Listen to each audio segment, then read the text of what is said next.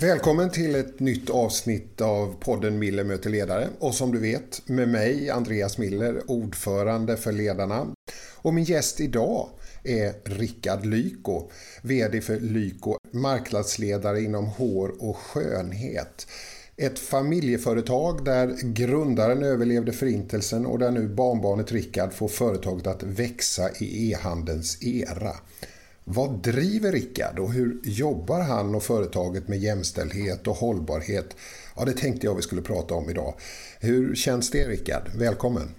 Tack så mycket, kul att vara här. Ja, det känns spännande att få ge sig in i de ämnena. Innan vi eh, börjar snacka ordentligt du och jag så ska vi få höra lite mer om dig. Rickard Lyko är en äkta mas med rötterna i Dala-Järna i Västerdalarna. Utbildad ekonom och som entreprenör inte rädd att prova nytt. Sedan 2008 är han VD för det välkända familjeföretaget Lyko som tidigt startade e-handel. Företaget har växt från en liten frisörsalong i Vansbro kommun till att erbjuda marknadens största sortiment med över 55 000 produkter och sysselsätta 750 personer. Lyko har bland annat utnämnts till Årets digitala gasell 2014, Årets e-handlare 2018 på Retail Awards och Handels bästa arbetsplats 2019 av fackförbundet Handels. Rickard själv har utsetts till Dalarnas mest företagsamma under 2013. Rickard, vad tror du har gjort dig till Dalarnas mest företagsamma människa? Men till viss del så tror jag att det är ju eh, en del slump i det, att eh, vi hade förutsättningar och möjligheten att ge sig in i det här företaget liksom. Och sen turen och tajmingen att vi startade i rätt tid. Eh, och det har ju gett förutsättningarna att kunna driva det bolaget och gjort att man har fortsatt liksom eldat på och fått in rätt personer som har hjälpt till med det och liksom skapat den här andan av att vi kan fortsätta växa och satsa och sådär. Så jag tror att det är, det är omständigheterna som spelar in mycket där. Mm. Omständigheterna är ju förstås en sak, men jag tänker du som person. Vad är det som gör att du är så företagsam? Om man läser lite om dig så var ju inte skolan det var inte top notch för dig. Du hade det ganska besvärligt där ibland om jag förstår saken rätt och sådär. Men du blev ändå Dalarnas mest företagsamma människa. Ja, nej, men jag har nog alltid haft ett behov av att bevisa mig, eh, så jag tror att det är det som till viss del har varit drivkraften. Eh, jag var minst i klassen och eh, ofta inte varit bra på, på någonting sådär, utan fått kämpa för att liksom bevisa att jag kan någonting och det är väl det som liksom har blivit eh, någonting som jag har fortsatt göra i alla möjliga sammanhang och eh, här hittade jag verkligen någonting som jag kunde brinna för och eh, skapa någonting och det jag tycker är så mycket roligare med det här kontra det jag höll på med innan när jag satsade på skidskytte och sådär som är en individuell sport. Här är det någonting man gör tillsammans och man skapar någonting som skapar något för fler. Eh, så det tycker jag är sjukt kul och eh, det gör att jag kan fortsätta springa på det här och brinna för det här för att eh, skapa ännu mer. Mm. Men jag bara får hålla mig kvar lite i det där. För den, det är ju inte alla som har den liksom känslan, det gick inte bra för mig och sådär. Och ändå liksom drivet och driva på och liksom faktiskt göra någonting. Vad, vad tror du det beror på? Jag tror att man måste hitta liksom ett driv, som ett engagemang kring frågor och det man gillar och någonstans så tror jag i grund och botten så är det i mångt och mycket ett ego som driver en. Sen väljer man vad man fyller det här egot med. Och i det här fallet så har jag liksom lyckats, lyckats hitta det i någonting som skapar någonting för andra och det liksom ger ju mig kraft varje dag när jag går till jobbet och ser andra människor engagerade. Vi ser ett bolag som växer, vi ser kunder som blir nöjda med det vi, vi gör och sådär. Så det gör ju att jag hela tiden tycker att det är kul att fortsätta springa på det här.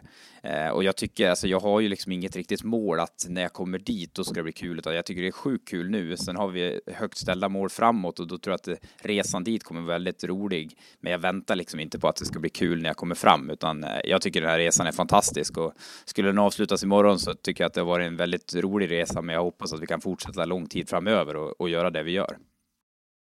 Du, din familj har ju verkligen känt av Europas mörka historia. Eh, din farfar överlevde förintelsen och kom till Sverige. Eh, den historien, hur har den påverkat dig och din familj? vi har ju varit en del i Polen och vi har släkt där och jag har ju hört farfars historier och sådär och det är väl någonstans att man liksom får ett perspektiv på den värld vi lever i nu som vi många gånger tar för givet och eh, jag tror att man måste liksom fortsätta jobba för att vi aldrig hamnar där igen men att vi mycket väl kan göra det. Och jag tror man ska ha full respekt för det. Och eh, också det här att liksom vad det är som faktiskt har betydelse i ett sådant läge. Och eh, att mycket saker som vi ty tycker är viktiga är väldigt banala i vår verklighet. Och vi har det väldigt bra som vi har det nu. Du, du gick ju, du har ju gått i farfar och fars fotspår. Eh, farfar startade en frisörsalong 1954 Eh, i Vansbro och din pappa Stefan en, en liknande salong i Dala-Järna. Eh, var det självklart för dig att gå i fädernas spår? Nej, snarare motsatsen. Jag hade väl bestämt för att jag absolut inte skulle göra det, utan jag skulle ju eh, göra något helt annat hade jag tänkt och varken flytta tillbaks till, till Vansbro eller Dala-Järna eller jobba med familjen och framförallt inte inom skönhetsindustrin då. Eh, men det var, det var väl mer att eh, händelser som skedde och eh, vi hade börskraschen och jag såg en möjlighet i det här och då, då körde jag på det. Vad var det som gjorde att du liksom instinktivt inte ville gå i det spåret då? Nej, men jag tror att jag var väl som många andra i mina tonår och ville göra raka motsatsen mot föräldrarna, bryta mig loss och hitta min egna grej och göra någonting annorlunda liksom mot vad många andra gjorde och ta mig därifrån egentligen för att få bygga min historia tror jag. Så att det var nog mer det, liksom eh, att driva, driva sig från det för att skapa någonting eget. Och så kom du tillbaks. Eh, och vad, vad tänker du, vad av farfar och fars ledarskap har du som förebild? Eh, jag vet inte, alltså ledarskapet i sig, de, de var ju, farfar var ju egenföretagare och, och farsan jobbade med, med morsan. Eh, morsan sa ju när jag kom tillbaks till eh, salongen och jag, jag, såg ju direkt att de hade ju väldigt hög beläggning och långa väntelister, att vi borde kunna ta in till frisör. Och då slog ju morsan även i bord och sa över min döda kropp att vi ska ta in någon eh, person utifrån här. Eh, det där gick ju över sen och sen var ju det, det morsan gillade absolut mest med hela bolaget var ju alla människor vi kunde anställa och tyckte att det var så kul med människorna runt om och sådär. där. men då var lite det inställningen, så just i den eh, aspekten har jag inte så mycket jag kunde fånga in där. Däremot så drivet och liksom där liksom förmågan att driva bolag och, och förstå den dynamiken och ta, ta hand om kunderna och vara rädd om kunderna. För det är ju också någonting jag har med mig därifrån att det är en liten by och våra kunder är överallt och det finns ingen liksom skiljelinje mot när vi träffar kunderna privat eller i bolaget, utan det är de vi är och vi får stå för, för våra handlingar. Hur är det att jobba i ett familjeföretag? Hur, hur, finns det någon gräns mellan familjen och bolaget eller är, är allt ett?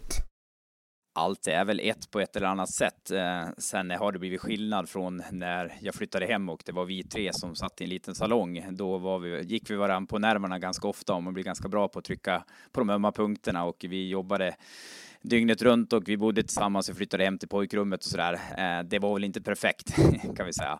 Eh, nu är det ju stor skillnad när bolaget är så mycket större och vi inte alls jobbar nära varann. Däremot så pratar vi väldigt mycket om bolaget när vi är lediga och eh, när vi träffas och så här, men det är för att alla engagerar och tycker att det är väldigt kul. Mm, mm. Du, eh, eh, det är ju så, ni är ju är ju ett, också ett e-handelsföretag. Ni har, eh, ni har satsat på kombinationen av e-handel och fysiska butiker och salonger. Är det det som är den stora framgångsfaktorn för er? Eh, jag tror att när vi gick samman med Bellbox 2014 som hade butikerna, eh, det har varit en stor del av vår framgång att vi gjorde just den kombinationen. Dels så byggde det varumärke men också gjorde det att vi som bolag tog ju steg i mognad också genom att bygga management och bygga ledarskapet. För fram till dess så hade vi, ju, jag var VD för online Eh, och där hade vi liksom alla personer samlade på ett ställe och eh, i retail Bellbox då, som hade byggt butikerna där man hade utspridd personal över hela Sverige behövde man ju bygga en mycket mer komplex organisation. Och tack vare att vi gick samman där och kunde dra lärdom av det Bellbox hade byggt upp så, så liksom byggde vi ett mycket mer stabilare och bättre bolag som gjorde sig redo för att bli ännu mycket större. Så på så sätt så har det varit dels viktigt för oss som bolag organisatoriskt och, och liksom utvecklingsmässigt, men även mot konsument genom att bygga varumärke och, och liksom nå ut på ett helt annat sätt tillsammans med butiken. Mm. Så att här egentligen för dig är kombon av salong och e-handel, och, alltså butik och e-handel, det är den som är framgångsfaktorn, inte bara e-handeln. Nej, det har verkligen varit en gemensam väg framåt där. Sen är det klart att nu är e-handeln står för så mycket större del av, av omsättningen. Så det är klart att framåt så är ju online så pass mycket större så den har en övervikt såklart. Men butikerna är viktiga för att liksom bygga eh, ska säga, rösten ut mot konsument tillsammans med kundtjänst. Eh, och jag tror ju att fortsatt även framåt att det kommer finnas ett behov att möta många av våra produkter i ett fysiskt rum. Eh, det är klart att parfymer och nyanser och smink och sådär är ju svårt att ta till sig online även om vi liksom gör försök med olika digitala verktyg och sådär för att brygga det, det gapet. Då. Vi kan ännu inte dofta via Teams eller någon digital app. Det är väl det som är den stora utmaningen, tänker jag. Ja, där är ju en av svårigheterna och det vi har för att brygga det så har vi att du kan beställa och få med en test och så testar du testen och tycker du inte är nöjd med parfymen kan du skicka tillbaks den. Och på sminksidan så har vi liksom en app där du kan liksom ta upp eh, färgerna i mobilen och applicera dem på dig digitalt. Men det är klart att det blir ju inte riktigt lika bra som, som om du ser det fysiskt såklart. Mm, mm. Du, eh, Amazon har ju varit på många släppar eh, den senaste tiden på grund av deras etablering i Sverige. Vad, vad tänker du om den etableringen? Är det en stor konkurrent till dig eller vad, vad tänker du? Alltså Amazon är ju jätteimponerande på många sätt och de är ju en enorm generalist som är ju bäst på att vara stora och breda. Och ett tydligt exempel på det är ju när de gick in i Sverige när man har, går in med 150 miljoner produkter. Det är ju ett enormt sortiment och det är klart att finns det luckor i olika segment eller olika vertikaler så kommer de att hitta det. Söker du efter vissa produkter som knappt finns online så kommer Amazon att ha det. Och där kommer de att ta en stor marknadsandel av totala e-handelskakan. Däremot så kommer de ju inte vara lika duktiga på att vara en specialist som ger sig in i till exempel skönhetssegment och vara bättre än vi som är duktiga specialister inom e-handel. Så på så sätt så tror jag inte att de är en direkt konkurrent till oss, men det är klart att en väldigt ointresserad skönhetsperson eh, som ska köpa en skönhetsprodukt en gång, ja, som bara letar på pris eller bara letar en specifik produkt och kanske hittar den hos Amazon, de kanske också kommer att köpa där. Men det är också de som idag som kanske handlar på, på ICA eller på andra dagligvaruhandel sin skönhet och de kommer vi fortfarande inte komma åt för de är inte tillräckligt intresserade av, av oss tror jag. Du har ju utsetts till årets digitala ledare 2020 av, eh, för ditt prestigelösa ledarskap. Vad skulle du säga, vad är, vad är dina främsta styrkor som ledare? Jag tror min, min starkaste styrka är att jag har folk runt mig som är bättre på, på alla de delarna som, som de gör. Och så har det väl egentligen alltid varit för att de jag tagit in har varit duktigare än vad jag har varit. Eh, sen om det beror på att jag inte är så bra på grejerna eller att de är väldigt bra på dem, eh, det, det låter ju vara osagt. Men jag tror att det är det som har eh, liksom föranlett det, att det har varit väldigt lätt att lämna över saker. Eh, och då eh, liksom någonstans har man det perspektivet och ser det, eh, då är det ganska lätt att vara prestigelös i, i de här frågorna. Sen tror jag att det är att jag har många liksom medarbetare som har jobbat under lång tid bredvid mig och man har byggt upp en relation där de vågar ge feedback och vara kritiska och ifrågasätta mitt, både mitt beteende och liksom mina åsikter i vissa frågor och sådär så att man verkligen får en, en dialog eh, där folk vågar säga vad man tycker så att man kan också justera och bli bättre på dem. Men du, på din LinkedIn så säger du, då, då står det att du, då beskriver du dig som lagerarbetare. Eh, det är ju intressant att en vd beskriver sig så. Eh, vad, är, vad, vad står det där för när du skriver så?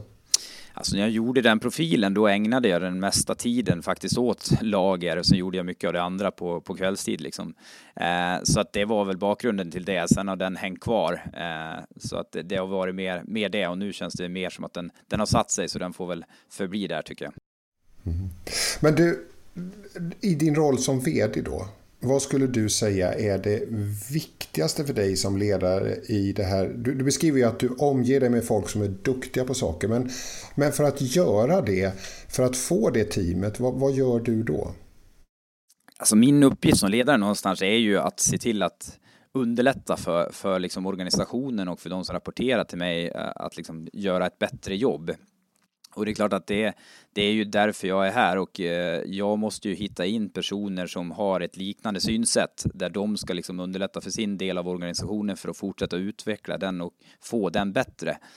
Eh, så jag tror att det är någonstans när man letar efter det, så då, då hittar man väl kanske in till, till rätt personer. Sen är, eh, med det sagt så är vi har inte alltid träffat rätt och vi har inte alltid rekryterat rätt, men, men, men vi har tagit reda på, på det liksom och fortsatt förbättra det arbetet och eh, då, då hamnar man väl här till slut. Mm. Du, eh, då kan man ju komma ganska snabbt in på jämställdhet. Vad, vad är jämställdhet för dig? För mig är det liksom, det, det, blir som självklarhet så ibland är det svårt liksom att så här, ge sig in i det. Sen förstår jag att det, det är ju verkligen inte så. Sverige ligger långt fram även om vi också har en lång bit tillbaka, eller kvar innan vi mm. är där. Eh, men jag tror att det kan vara en av våra största liksom, förändringar i samhället som sker. Att vi liksom kommer till ett mer jämställt samhälle och det förändrar nog samhället mer än vad vissa av de här tekniska utvecklingarna gör. Och där tror jag ofta man fastnar i de här tekniska för de är lätt att se hur de kommer påverka. Men det är klart att om jag kör bilen eller ingen kör bilen, det påverkar inte samhället i stort. Blir vi helt jämställda så får det en jätteförändring i samhället och vad den kommer att bli, det, det vågar jag inte svara på. Men för mig är det en självklarhet att vi liksom inte gör skillnad på beroende på kön. Det, det, känns, ja, det känns väldigt självklart. Hur jobbar du med jämställdhet i Lyko? Ja, dels så är det ju liksom i våra rekryteringsprocesser att vi försöker hålla en jämställdhet i det och sen är det ju att vi, vi någonstans ser igenom och genomlyser organisationen så att vi verkligen är det också och liksom följer det, det vi säger att vi, vi ska göra. Och sen i all mån vi kan liksom se till att vi också driver på den här utvecklingen och åt det hållet. Jag vet att, i alla fall har du sagt det i någon artikel, att du lyssnar mycket på ledarskapsböcker. Gör du det fortfarande? Ja, men verkligen. Ja, det, det är det jag, jag ägnar mig åt när jag tränar eller promenerar till jobbet eller åker bilen. Eh, jag tycker det är otroligt kul och intressant att lyssna på och fortsätta få idéer och utvecklas. Mm. Du, vad, ge, vad ger det dig då? Nej, men många gånger ger det ju perspektiv och man får en tanke och man får funderingar hur man kan lika applicera och lära sig av andra vad de har gjort och liksom hur, hur deras perspektiv har varit. Eh, och, och, det skapar ju ofta liksom ett, ett frö där man någonstans fortsätter jobba med det eller fundera på det och utmanar i vissa delar och sen eh, liksom fortsätter man utveckla. För jag tror att det är ju liksom alltid rörlig materia och det är ju någonting som aldrig tar slut utan det är ju ett ständigt liksom utvecklande av bolaget och av ens egna utveckling och ledarskap eh, tillsammans med, med bolaget. Så att det, det tror jag är en ständig process som man alltid måste liksom ha igång för att lära sig nytt. Vad, vad lär du dig mest av? Eh, dina praktiska erfarenheter, dina misstag eller böckerna du läser? Nej, det mesta det lär man väl sig av det praktiska och misstagen man gör ändå, ska jag säga. De, de lärdomarna rotar sig ännu djupare. Eh, men i kombination med böckerna så blir ju de ännu mer eh, lärorika, eh, ska jag säga. Så att det är väl en kombination definitivt, men praktiken är ju den som man lär sig absolut bäst av. Är det viktigt för dig med en balans mellan arbetsliv och, och privatliv? Eh, ja, men absolut, det tror jag. Eh, och framförallt så tror jag det är viktigt eh, med balans överlag i livet med både träning, mat och vad man ägnar sin tid åt.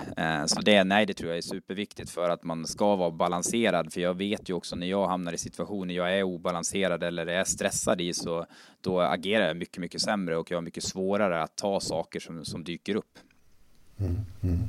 Vad händer med dig då? Blir du liksom otåligare eller blir du irriterad eller vad händer? Ja, men absolut. Eh, jag kan både bli otålig och irriterad och nu är det lätt när man sitter här och pratar så framstår det som att eh, jag gör allting rätt och så är det ju absolut inte fallet. Eh, och jag har ju dåliga dagar och jag har dåliga beteenden och jag hamnar i tunnelseenden ibland och agerar dåligt i situationer så att det, det händer ju hela tiden. Men desto mer balans jag har och det är väl det jag någonstans har lärt mig med åren också är ju att det så här, nej, jag, jag blir inget bra när jag jobbar för mycket eller sover för lite eller tränar för lite, utan viktigast, i, framförallt nu i min position där jag är nu, är ju att jag är balanserad så att jag kan liksom någonstans angripa frågorna som dyker upp eh, utifrån bästa förmåga liksom. Du, eh, omställning till ett hållbart samhälle, det är en viktig fråga för väldigt många i samhället idag och det är också en viktig fråga för ledarna. Vi tror att chefer har en helt central roll i omställningen till ett hållbart samhälle. Eh, jag vet att ni fick ganska gott betyg eh, eh vad det gäller hållbara varumärken i er bransch. Ni hamnade på fjärde plats bland 18 till 35-åringar. Vad, hur viktigt är det för dig med hållbara lösningar? Jag tror att det, för oss har det liksom, vi har ju alltid drivit bolaget med egna pengar någonstans. Vi startade med det och tog inte in pengar. Sen har vi noterat vi betalade av ett lån utifrån förvärvet gjorde i retailen. Och det är ju någonstans när man har begränsat med resurser, precis som jordens resurser är, eh, så är det ju någonstans att man måste ta hand om dem och man måste se till att använda dem på bästa sätt. Eh, och jag tror att liksom genomsyrar det där bolaget så liksom tar man rätt beslut i det. Och jag tror att många gånger det är viktigt verkligen att göra hållbara förändringar som liksom är också lönsamma på något sätt så att de är bestående. För jag tror att det här när man försöker att gå ut och verkligen eh, måla upp en bra bild av ett bolag eh, istället för att liksom se till att göra rätta sakerna. Och det är ju en jättekomplex fråga och svår fråga. Eh, men jag tror att det handlar mycket om att begränsa och hålla igen på resurserna och se till att göra rätt val där. Vad ser du den typen av förändring i din bransch? Ja, men en sån del är ju liksom när vi tittar på experter och annat, liksom, kan vi få till att, att rätt val är, är också det ekonomiskt bästa valet?